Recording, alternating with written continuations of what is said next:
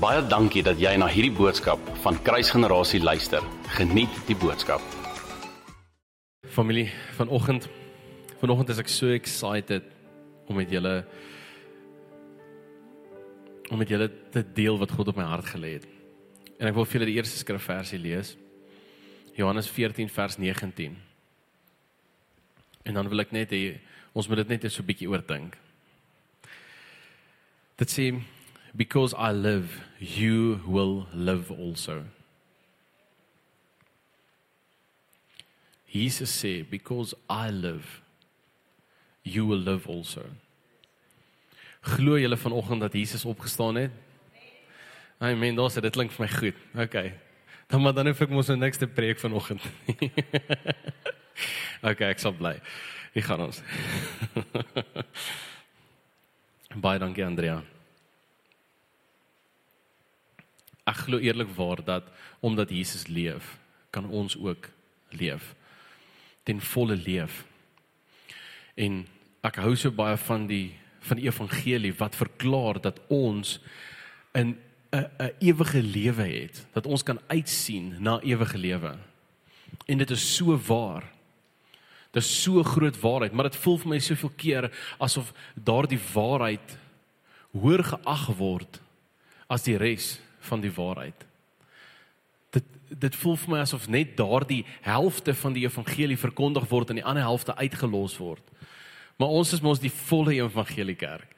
So ons gaan die volle evangelie verkondig en dit dit sê dat ons kan leef nou hier op aarde ook dat ons ten volle kan leef, dat ons binne dit kan leef waarvoor God ons geroep het.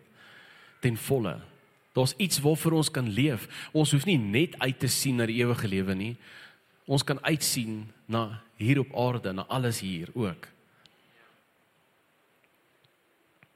En terwyl ek dit so so oordink en en dink aan waar waar begin ek vanoggend want ek het soveel wat ek met julle wil wil deel. Gaan kyk ek na alles wat gebeur het na die opstanding en voor die opvaarding.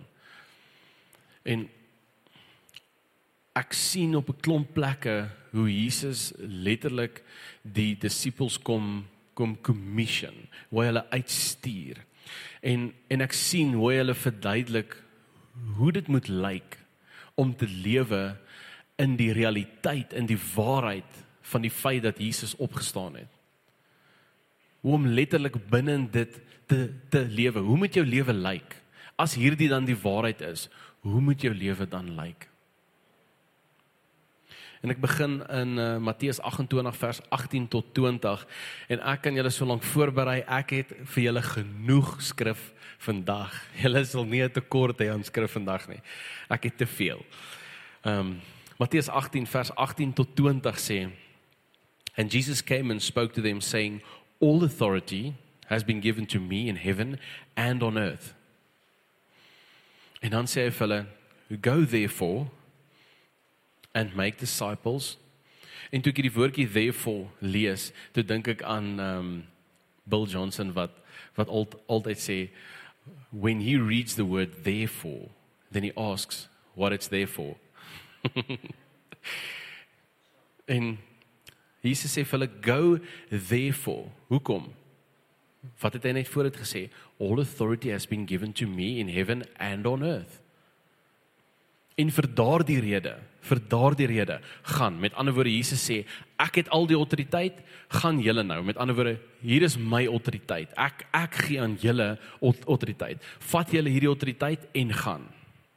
En dan sê and make disciples of all nations, baptizing them in the name of the Father and of the Son and of the Holy Spirit, teaching them to observe things that I've commanded you.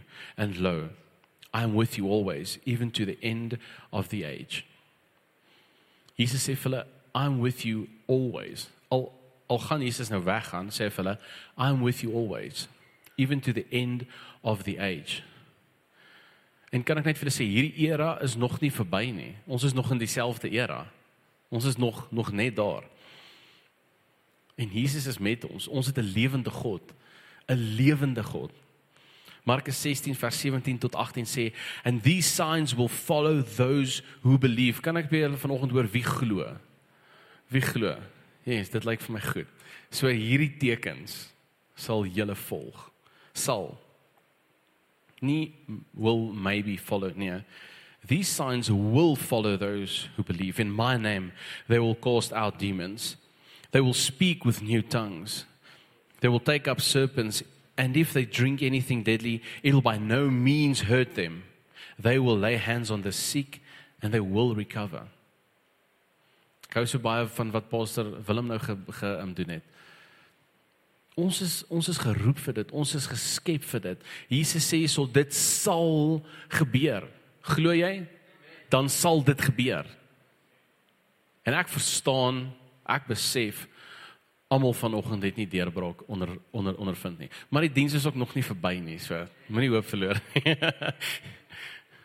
ek verstaan almal almal ondervind nie onmiddellik deurbraak nie. Ek verstaan dit, maar hierdie is wat die woord sê.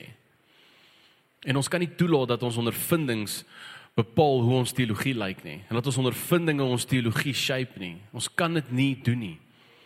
Lukas 24 vers 46 tot 49 sê Then he said to them, Thus it is written, and thus it was necessary for the Christ to suffer and to rise from the dead the third day. And that repentance and remissions of sins should be preached in his name to all nations, beginning at Jerusalem. And you are my witnesses of these things. sien hier is die eerste deel van die evangelie. Maar dit is nie die enigste inligting rondom die evangelie nie. Daar is nog. Dit gaan aan. En Jesus sê, "Behold, I send the promise of my Father upon you, but tarry in the city of Jerusalem until you are endued with power from on high." sien Jesus commission hulle nie net nie, maar hy gee hulle die krag om te doen dit waarvoor hy hulle uitgestuur het. Hy gee hulle die Heilige Gees. En as ons dan glo, dan moet ons so lewe en so loop en so doen en so praat asof ons lewe met die Heilige Gees binne in ons. Met daardie krag, daardie amazing krag.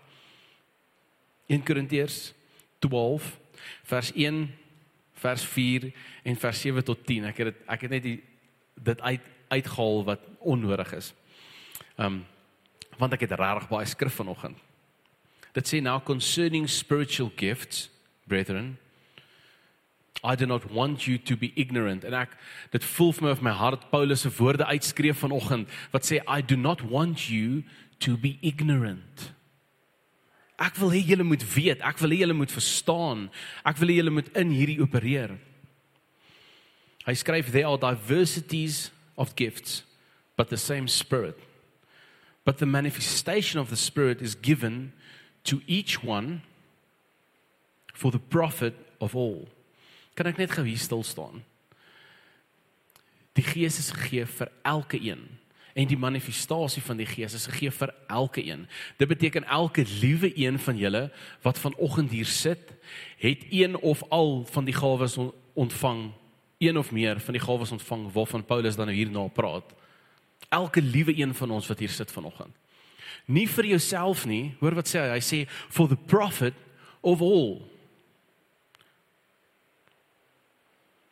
For to one is given the word of wisdom through the Spirit, to another the word of knowledge through the same Spirit, to another faith by the same Spirit, to another gifts of healings by the same Spirit, to another the working of miracles, to another prophecy, to another discerning of spirits, to another different kinds of tongues, to another the interpretation of tongues. En wanneer ek hierdie lees, dan dan kom die vraag by my op. As dit dan so is dat ons elkeen die Gees ontvang het. As dit dan so is dat ons elkeen een of meer van hierdie gawes het en moet uitleef. Kom die vraag by my op is is die familie besig om te baat van die gawes wat die Here vir my gegee het? Is die familie, is hierdie family besig om te baat, is Middelburg besig om te baat by die gawes wat God vir jou gegee het. Beteken dit iets vir Middelburg? Beteken dit fisies vir hulle iets? Die feit dat die gees van God binne in jou woon. Dieselfde gees wat God uit die dood uit opgewek het, binne in jou woon. Beteken dit iets vir Middelburg? En as nie, hoekom nie? Hoekom nie? Want dit is veronderstel. Die skrif sê dit vir ons. For the profit of all. En ek vra myself af, is ons besig om ten volle te gebruik wat God vir ons gegee het? Die feit dat dat Jesus opgestaan het, gee vir ons soveel. En is ons besig om dit te gebruik ten volle? En dit voel nie vir my so nie. Dit voel nie vir my so nie, want ek sien dit nie genoeg nie en ek begin dit al hoe meer sien en dit maak my excited, maar ek sien dit nog nie genoeg nie. Ek voel eerlikwaar dat dat in hierdie hierdie tyd van Jesus se opstanding dat dat God mense wil oprig, net soos wat Jesus opgestaan het. God wil mense oprig in hierdie tyd. Net soos wat net soos wat Jesus lewendig geword het, sien ek hoe hoe mense se gees weer lewendig gemaak word. Waar waar gees waar jou gees dalk dormant begin raak het sien ek net hoe God weer mense wil kom wakker maak. Ek dink aan Pastor Jan wat twee sondae terug bedien oor die Goliats en die Dawids wat wat wat God besig is om op te rig. Ek dink aan hoe hoe hoe God my daarna sê roep mense in hulle calling in wat ek ook toe gedoen het na die diens. Ek dink aan aan aan Pastor Tertius wat net eergister in in in in Vrydag se se in diens sê God wil mense kom wakker maak. Daar mense word opgeroep. Mense word opgerig, word nader geroep. Mense word wakker gemaak. In Engels noem mense dit awake. En ek dink dadelik aan die woord awakening. Awakening. Ek wil vir julle sê herlewing is baie baie baie nader as wat ons dink. Baie baie baie baie nader. Soveel nader.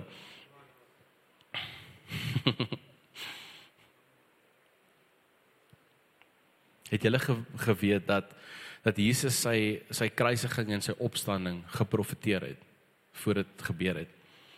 Matteus 16 vers 21 sê from that time Jesus began to show to his disciples that he must go to Jerusalem and suffer many things from the elders and chief priests and scribes and be killed and be raised on the third day. Matteus 17 vers 23 sê and they will kill him and the third day he will be raised up. Matteus 20 vers 19 sê and and deliver him to the gentiles to mock and to scourge and to crucify and the third day he will be risen.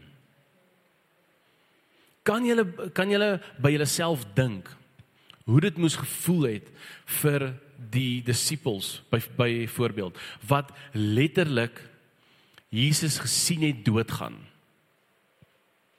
En 3 dae later staan die lewende God voor hulle opgestaan. Hy is lewendig. Kan jy dink wat se wat se awakening dit moet wees? Hoe jy ewe skielik besef, wow, hierdie het nou net gebeur.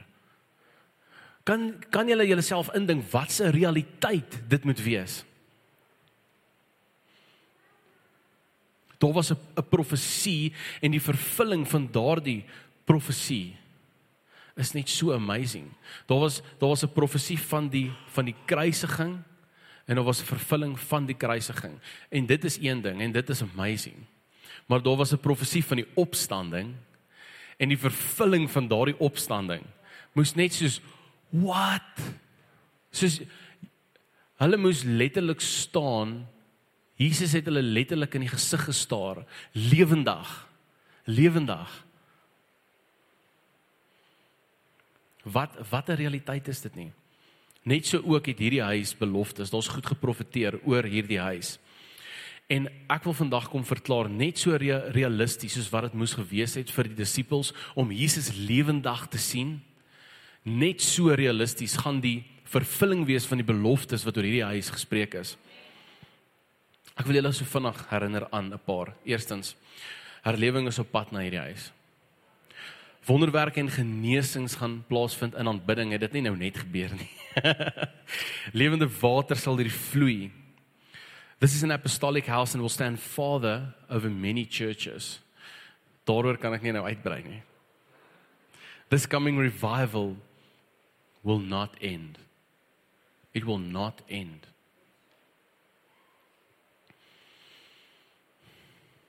Romeine 8 vers 11 sê But if the spirit of him who raised Jesus from the dead dwells in you wat wel so is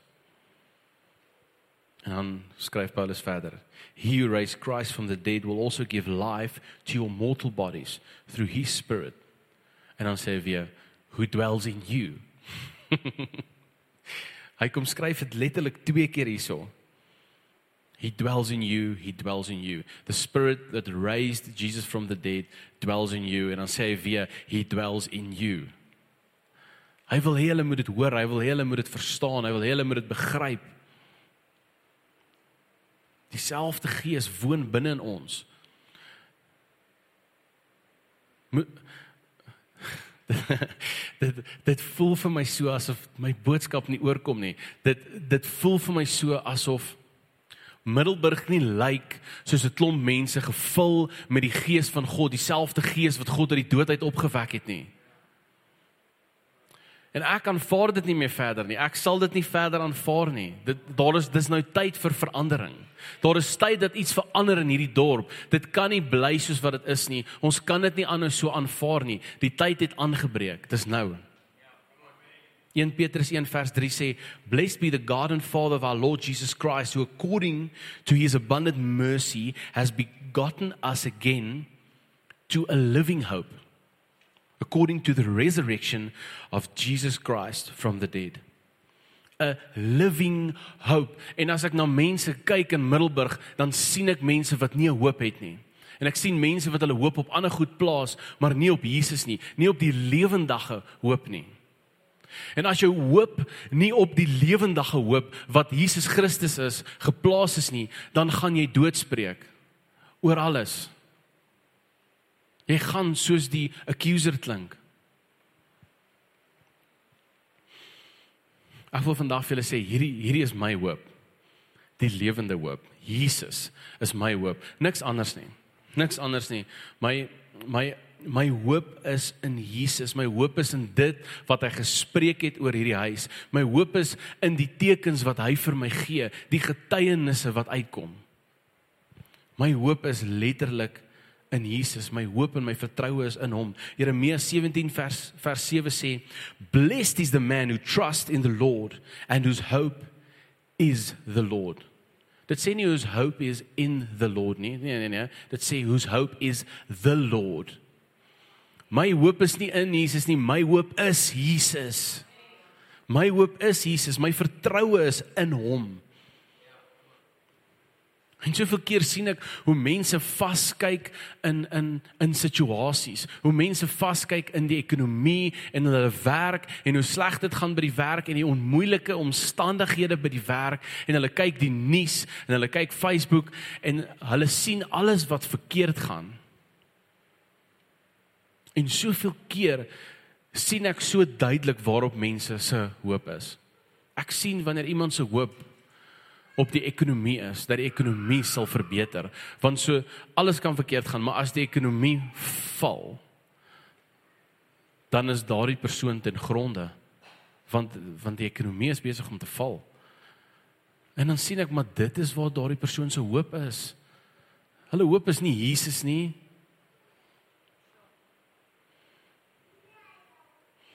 En wanneer ek wanneer ek partykeer so so hoopvol klink, kan dit dalk klink of dit dit kan dalk regtig net stupid klink. Wat is die regte woord? Dit kan klink soos soos foolishness, die Engelse woord. En so verkeer vir vertel ek vir mense maar hierdie is my hoop. Ek gee nie om wat hier gebeur in hierdie sektor of wat daar gebeur of wat met die ekonomie gebeur of wat met Eskom gebeur nie. Ek gee nie om nie. My hoop is in Jesus. En Wat sê Jeremia 17 vers 7? Blessed is the man who trusts in the, in the Lord and whose hope is the Lord. Blessed is the man, geseën sal ek wees want my hoop lê daar en op geen ander plek nie. Daarom weet ek ek sal geseënd wees. Maak nie saak wat gebeur in hierdie land nie, ek sal geseënd wees. En dan sien ek hoe die mense my aankyk en hoe hulle dit nie verstaan nie en hoe hulle dink Maar daar's regtig iets fout met jou. Kan jy nie sien hierdie nie? Kan jy nie sien hierdie nie? En dan dink ek dadelik aan 1 1 Korintiërs 1 vers 18 wat sê for for the message of the cross is foolishness to those who are perishing. It is foolishness. Hulle verstaan dit nie. Hulle dink, hulle dink ek is stupid. hulle dink ek sien nie raak wat aangaan in die wêreld nie. Hulle dink ek is nie ingelig nie. Hulle dink ek weet nie wat aangaan nie. En ek kan nie sien wat op pad is nie. Dis wat hulle dink. But to us who are being saved, it is the power of God. Daar is krag, daar is krag daarin om te hoop op Jesus. My hoop is nie in die in die vermoë van van mense nie. My hoop is nie eens in myself nie. My hoop My hoop is nie in Eskom nie, my hoop word my hoopvolheid word nie bepaal deur ons regering en die besluite wat hulle neem nie. Nee. My hoop is in is in Jesus. Romeine 10 vers 11 sê whoever believes on him will not be put to shame. My hoop is in hom en in wat hy gesê het, wat hy gespreek het oor hierdie huis en omdat hy lewe, kan ek daardie hoop hê omdat hy lewe. 'n bietjie teruggaan hierso. Omdat hy lewe. 1 Petrus 1 vers 3. Blessed be the God and Father of our Lord Jesus Christ who according to his abundant mercy has begotten us again to a living hope through the resurrection of Jesus Christ from the dead. Ons het 'n lewendige hoop. 'n Lewendige hoop en omdat ek omdat Jesus opgestaan het, kan ek hierdie hoop hê. En al lyk like al lyk dinge hoe dood om my, het ek 'n lewendige hoop. Het ek die reg om 'n lewendige hoop te kan hê. Maak nie saak hoe dit lyk nie.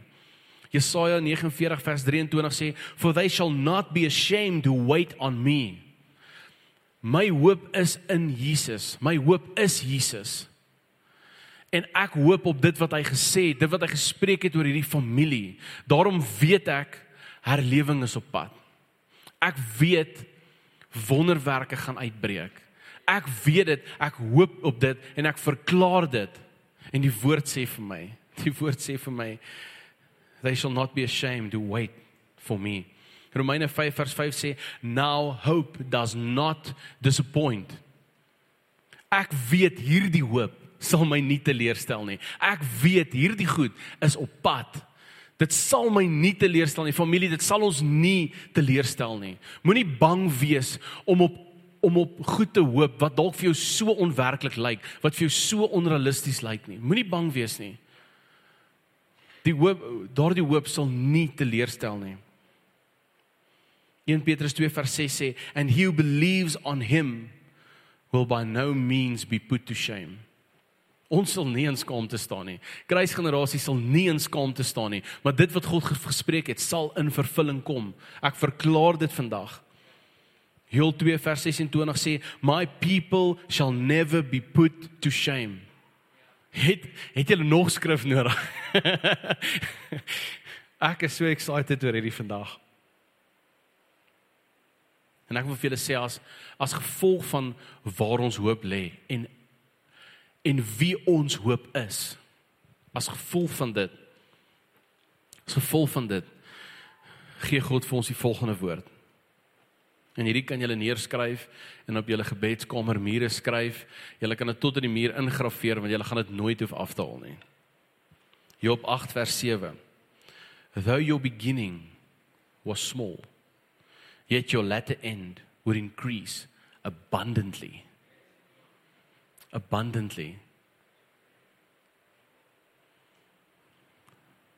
Zechariah 4 verse 10 wat deel is van ons profetiese woord. For who has despised though your beginning ek kan skus sy vra dat ek gehoor sê though your beginning was small yet your latter end would increase abundantly ja Zechariah 4 verse 10 sê for who has despised the day of small beginnings? Ons kan vir geen oomblik dink om daar daar nou net een of twee genesings plaasvind dat dat ons nou maar teleurgestel is daaroor en dat ons ons het nou gehoop vir meer maar dit gebeur nou nie en ons kan nie toelaat dat 'n klein begin ons hoop breek nie want daar is meer op pad dit is net die begin do not despise small beginnings ek kom verklaar dit vandag Moenie vaskyk in die klein goedjies wat gebeur nie. Daar is nog op pad. Hou aan. Hou aan. Maar ek moet vir julle vra vanoggend, wat doen ons met die profetiese woord? Hierdie profetiese woord wat ons het, wat doen ons met dit? Wat beteken dit dit vir ons? Beteken dit vir ons iets ken ons dit?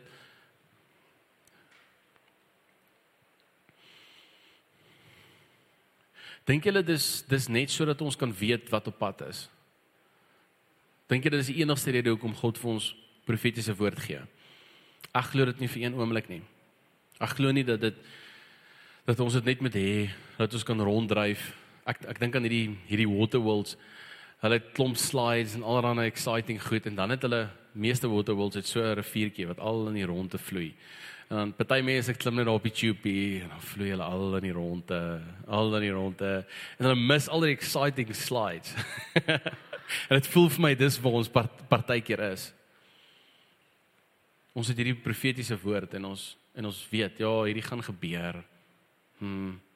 Klim op die tube, vloei al in die ronde, al in die ronde. Die slides is daar as jy net van jou tube af klim en by die trappies oploop, kan jy gaan gly. Dit dit alles is daar, al die excitement is daar, maar jy's gemaklik met in die tube vloei want jy weet hierdie goed gaan gebeur. Kom ons gaan al in die ronde, al in die ronde. Storie lewe is swaar, die son brand my hier op die tube. Dit is so erg. Is so erg. maar wat doen ons met die profetiese woord? Amos 3 vers 7 sê, "Surely the Lord God does nothing unless he reveals his secrets to his servants the prophets. Hoekom sal God wanneer hy iets wil doen, dit eers vir sy profete kom sê? Ek vra weer, is dit net laat ons dit moet weet? Is dit net dat ons maar in gemak op die tubie kan sit en om en om ry of is daar iets meer? As God dit aan ons bekend maak, is daar daar nie dan iets wat ons moet doen van ons kant af nie? daar is en hierdie is wat ons moet doen. Ons is veronderstel om te bid. En ja, ek weet, ons praat elke keer daaroor om te bid. En ek weet almal sê ons moet bid. En ek weet in elke afkondiging sê ons kom bid saam met ons. Ek weet dit en ek weet dit julle dit al te veel keer keer gehoor, maar duidelik het julle dit nog nie genoeg gehoor nie.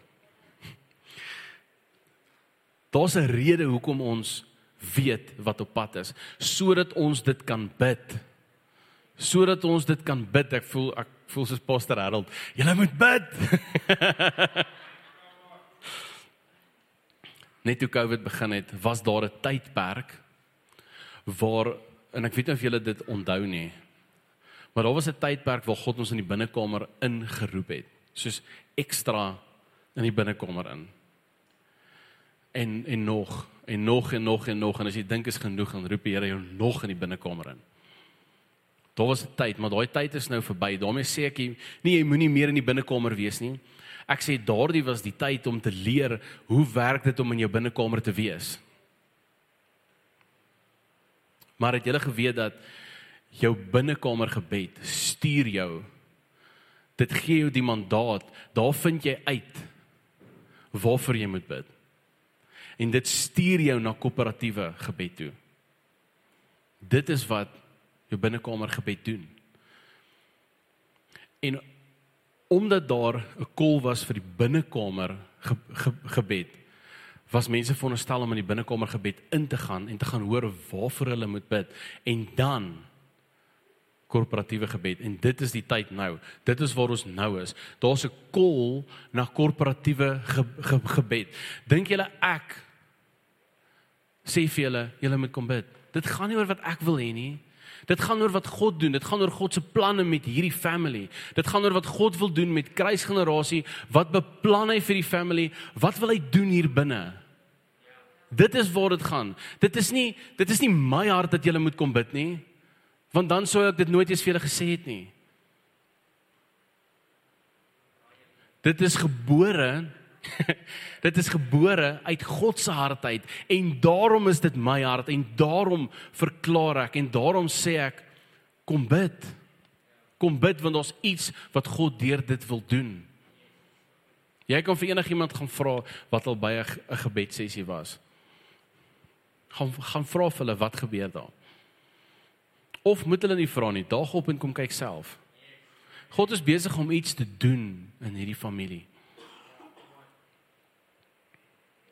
Ons is in die season waar ons geroep word. Elke liewe een, moenie dink omdat jy die gawe van genesing het, jy nie deel van die gebedsspan is nie.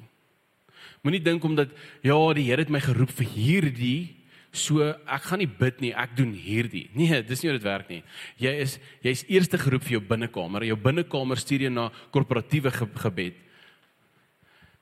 En as jy dit gedoen het, gaan doen die ander goed waarvoor God jou geroep het. Maar jy moet jy moet letterlik daar in die korporatiewe gebed krag ontvang. Jy moet krag ontvang. Daar gebeur iets wanneer mense saam bid. Ek sien in die woord wanneer mense saam bid, dan word die Gees uitgestort. Ek sien wanneer hulle saam bid, dan dan skud die aarde waar hulle is. Daar's iets wat gebeur wanneer mense saam bid. Moenie moenie dit vat as net niks nie. Ek doen 'n nuwe 'n nuwe call op julle. Kom bid asseblief. Charles Spurgeon sê die volgende: The condition of the church may be very accurately gauged by its prayer meetings die kondisie van die kerk van die kerk in totaal kan gemeet word aan 'n gebedbyeenkoms. En dit klink dalk so onwerklik want 'n gebedbyeenkoms is tog so ag daar daar 'n paar mense op daar Familie, ons is hierdie hierdie family is geroep vir gebed. Ons is besig om 24/7 gebed aan die gang te kry. Dit 'n 'n gebedsessie is nie veronderstel om te bestaan uit 'n paar mense wat opdaag vir gebed nie. 'n Gebedsessie is veronderstel om groter te wees as 'n Sondagoggenddiens. Ons is veronderstel om op te daag vir gebed in honderde. Dis veronderstel dit is hoe dit veronderstel is om te lyk. Behalwe natuurlik as jy fine is met waar jy nou is. As jy dink alles is reg, daar's niks fout nie en as jy glo die Here gaan niks niets doen nie en dit gaan net vir altyd so wees. Jy's happy met al die omstandighede. Kom aan, ek kan nie dink dat een van julle dit is nie. Ek kan dit nie ek kan dit nie dink nie. Ek is so excited wat God wil kom doen in hierdie plek. Ek wil eindig met die volgende skrifvers. Repent, for the kingdom of heaven is at hand. Repent. En wanneer ek dit sê, dan voel dan voel ek hoe hoe hard dit is so. En ek sê so graag wat Pastor Tertius nou die dag gesê het. Hy sê bekeer is nie 'n vloekwoord nie. Dis nie 'n vloekwoord nie. Bekering is iets wat ons elke dag van ons lewe doen. En en dit dit voel vir my so in die westerse kultuur of ons dit nie verstaan nie. Of ons dink nee, ons bekeer een keer en dan het ons klaar gebekeer en dan outomaties is ons gedagtes aligned en dis net altyd perfek. Ons gedagtes is altyd perfek in God se wil. Nee, dit is nie. Ons moet elke dag bekeer. Wat beteken dit om te bekeer? Dit beteken letterlik om in 'n rigting te gaan 180 grade om te swaai en in 'n ander rigting te gaan. Dit beteken letterlik om jou gedagtes te verander, om God toe te laat, om sy gees toe te laat om jou gedagtes te verander. En dit is nie iets wat ons eenmaal in ons lewe moet doen nie. Dis iets wat ons elke dag moet doen. Partykeer meer as net eenmaal 'n dag, glo vir my. om te om te bekeer beteken letterlik om te te heroorweeg. Om te heroorweeg dit wat jy weet. Om te heroorweeg dit wat jy dink die waarheid is. Ek wil regtig vra, heroorweeg 'n bietjie wat wat jy dink die normale is. Wat jy dink die die normale is vir 'n Christen lewe, wat jy dink die normale Sondagdiens is. Ek wil jou vra, heroorweeg dit. Jy het nodig om dit te heroorweeg, anders gaan jy baie groot verrassing kry as jy hier opdaag. Want die dinge gaan nie meer dieselfde lyk nie. Dit gaan nie. Heroorweeg dit wat jy ken as as die lewe, jou alledaagse lewe. Gaan heroorweeg dit bietjie. Laat toe dat God in jou gedagtes werk. Dat God vir jou sê, "Maar wat beplan hy?" Wat wil hy hê? Hy oorweeg wie jy is, waarvoor God jou geroep het. Gaan maak seker jy weet waarvoor God jou geroep het. En dat jou gedagtes in lyn is met syne. Ek voel ek voel eerlikwaar God roep ons in 'n in 'n nuwe season in van 'n lifestyle of repentance. 'n Lifestyle of repentance. Dit is 'n lewenswyse. Dit is wat 'n Christen doen. Hy verander sy gedagtes konstant. Hy laat toe dat God sy gedagtes beïnvloed konstant. En partykeer dink ek iets of voel ek iets en dan dink ek nee nee, maar wag. Hierdie wat God het hierdie gesê, so dit kan nie reg wees nie. En dan laat ek toe dat dit wat God gesê het my gedagtes verander, dat ek reg dink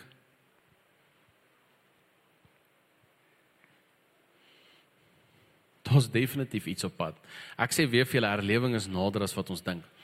Ons sit donderdag aand saam met die worship team en kuier daar en ons ons worship net bietjie paar eetgoedjies en ons worship en ons worship en ons kuier en na die worship begin ons net getuienisse deel. En daar kom daar was sewe of meer getuienisse, ek kan nie die nommer onthou nie. Getuienisse van goed wat net gebeur het in die laaste week wonderwerke, mense wat genees geword het. Familie, daar's iets besig om te gebeur en is nader as wat ons dink. Ek het vir julle nou nog gejok, dit was nie my laaste skrifversie nie, maar hierdie is. Hier kom hy. Johannes 14 vers 19 sê: Because I live, you will live also. So ek wil eindig met dit waarmee ek begin het because I live you will live also. En ek ervaar net dat hierdie realiteit van die opstanding is veronderstel om so verskil te maak in mense se lewens dat God net weer mense opnuut roep om te lewe. Om werklik te lewe. Werklik te lewe. Omdat hy leef kan ons leef. Nie net in die lewe hierna nie, maar in hierdie lewe ook. Ek ek ek voel so hoe hoe God vanoggend mense roep in hulle calling in, hoe hy hulle uitroep. En en ek ek weet, ek weet met alles binne in my, die Gees het al reeds begin werk. Die reeds die die die Gees het al reeds begin werk in soveel mense van hierdie family, soveel mense wat nou op livestream kyk. En en hulle begin wakker maak, hulle begin awake. Daar's daar is 'n awakening op pad waar waar God besig is om klomp mense wakker te maak, op te rig en te sê, maar word wakker. Hierdie is waarvoor jy geroep is. Hierdie is jou identiteit en gaan uit en gaan doen dit. Wees dit ons almal verlang na 'n Middelburg wat letterlik die die strate is vol herlewing. Ons ons verlang na Middelburg waar Jesus se naam enige plek genoem kan word sonder skaamte. Waar elke liewe besigheid die naam van Jesus op hulle lippe dra. Elke liewe werksplek. Maar hoe kan ons in ons wildste drome dink dat iemand anders dit moet maak gebeur? Hoe kan ons dink dat dit iemand Kom ons kom ons wag vir Pietie. Hy gaan begin bid vir daai ou by die werk wat siek is. Nee, nie ek nie, Here, nee. Ek Here, ek is nog nie gereed vir dit nie. Dis nog nie my tyd nie. En dis hierdie en is daai nee. Die tyd is nou vir elke liewe een van julle wat vandag hier sit. Die tyd is nou. Dis nie later nie. Ek ervaar hoe net soos wat Jesus na sy opstanding sy disippels gekommission het, gestuur het, hoe daar dieselfde ding gebeur binne in hierdie family in hierdie tyd. Dit is tyd dat ons begin opstaan. Dis tyd dat ons begin opstaan en begin dit doen waarvoor God ons geroep het. En hoor my hart, ek daarmee sê ek nie julle doen dit glad nie. Ek, sê dit glad nie. nie vir een oomblik nie. Ek weet daar is soveel van hierdie family wat wat saam met ons bid, saam met ons vir vir vertrou en wanneer ek na julle kyk dan sien ek ek sien gesigte wat by die gebedsessies opdaag. Ek sien ek sien mense wat wat begin verander. Ek sien mense wat begin opstaan in dit wat Jesus hulle voorroep. En dan sien ek mense wat Ek moet nou my woorde mooi kies. Hm? Ek sien mense wat die Here so gebless het en wat die Here soveel verwagting voor het. Maar wat nog nie daai keuse gemaak het nie. Wat nog nie ge, gekies het om hierdie amazing hoop te hê, hierdie lewende hoop om hierdie wat noem mense dit? Om net wakker te word. Wakker te word. Sê hy Ek wil ek wil eerlikwaar vanoggend vir julle vra. En as jy op live streaming is, dieselfde. Is is julle nie lus vir 'n nuwe ding nie?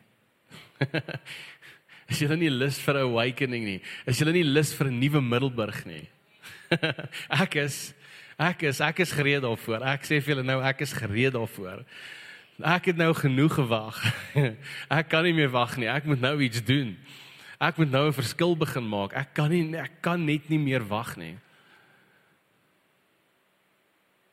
So ek wil vanoggend vir julle vra as dit jy is, as dit jy is op live streaming. Ek wil vanoggend saam met jou bid. Ek wil vanoggend saam met jou bid en jou commission en jou uitstuur. Ek hoop julle hoor my hart vanoggend. Ek kom condemn niemand nie, ek kom judge niemand nie. Maar ek het 'n begeerte dat dinge moet verander. ek het net so 'n begeerte in my. Ek het so so brand hier binne in my. Dit kan nie dit kan nie net meer normaal aangaan nie. Dit dit kan nie meer nie. Die tyd vir normaal is verby. Hoor wat ek julle sê, dis verby. Daar daar is nie meer normaal nie. In elk geval nie in hierdie family nie. en dit sal die hele Middelburg volsprei. Dit sal So ek wil Laat ek laat ek eers saam met die livestream ouens bid. Um en dan gaan ek terugkom na julle toe. ek wil ek wil vir elke liewe ou op op livestream vra wat wat nou 'n besluit neem om net om net opnuut te doen dit waarvoor God jou geroep ge, het om elke liewe persoon wat daai besluit neem om te aanvaar en om op te staan en om lewendig te te te word en aktief as 'n Christen te lewe, om te lewe met die Gees binne in hom, binne in haar. Ek wil vir julle vra om sommer daar waar julle is in julle sitkamer en julle kombuis en oral waar julle is, staan net op, raak net stil voor die Here en laat ek net laat ek net oor julle bid. Here, ek kom bid vir elke liewe persoon wat nou die livestreaming kyk, Here. Here, ek kom bid vir 'n nuwe vuur om te brand in hulle harte. Ek kom bid vir 'n nuwe awakening. Family, julle kan saam met my bid. Here, ek kom ek kom bid vir hierdie nuwe ding. Here, ek kom bid vir nie meer aanvaar vir wat daar is nie, maar Here om 'n verwagting te hê vir meer, om 'n lewende hoop te hê op meer, Here. Here, ek kom ek kom bid dat daar 'n nuwe bestaan sal wees, 'n nuwe begrip sal wees, 'n nuwe openbaring sal wees van die feit dat Jesus opgestaan het en dat hy lewe en dat daardie selfde gees binne in elkeen van ons lewe en daarom kan kan daardie gees, daardie krag deur ons werk en daarom kan ons 'n dorp verander. Here kom bid dat daardie nou in hulle gees sal val in die naam van Jesus.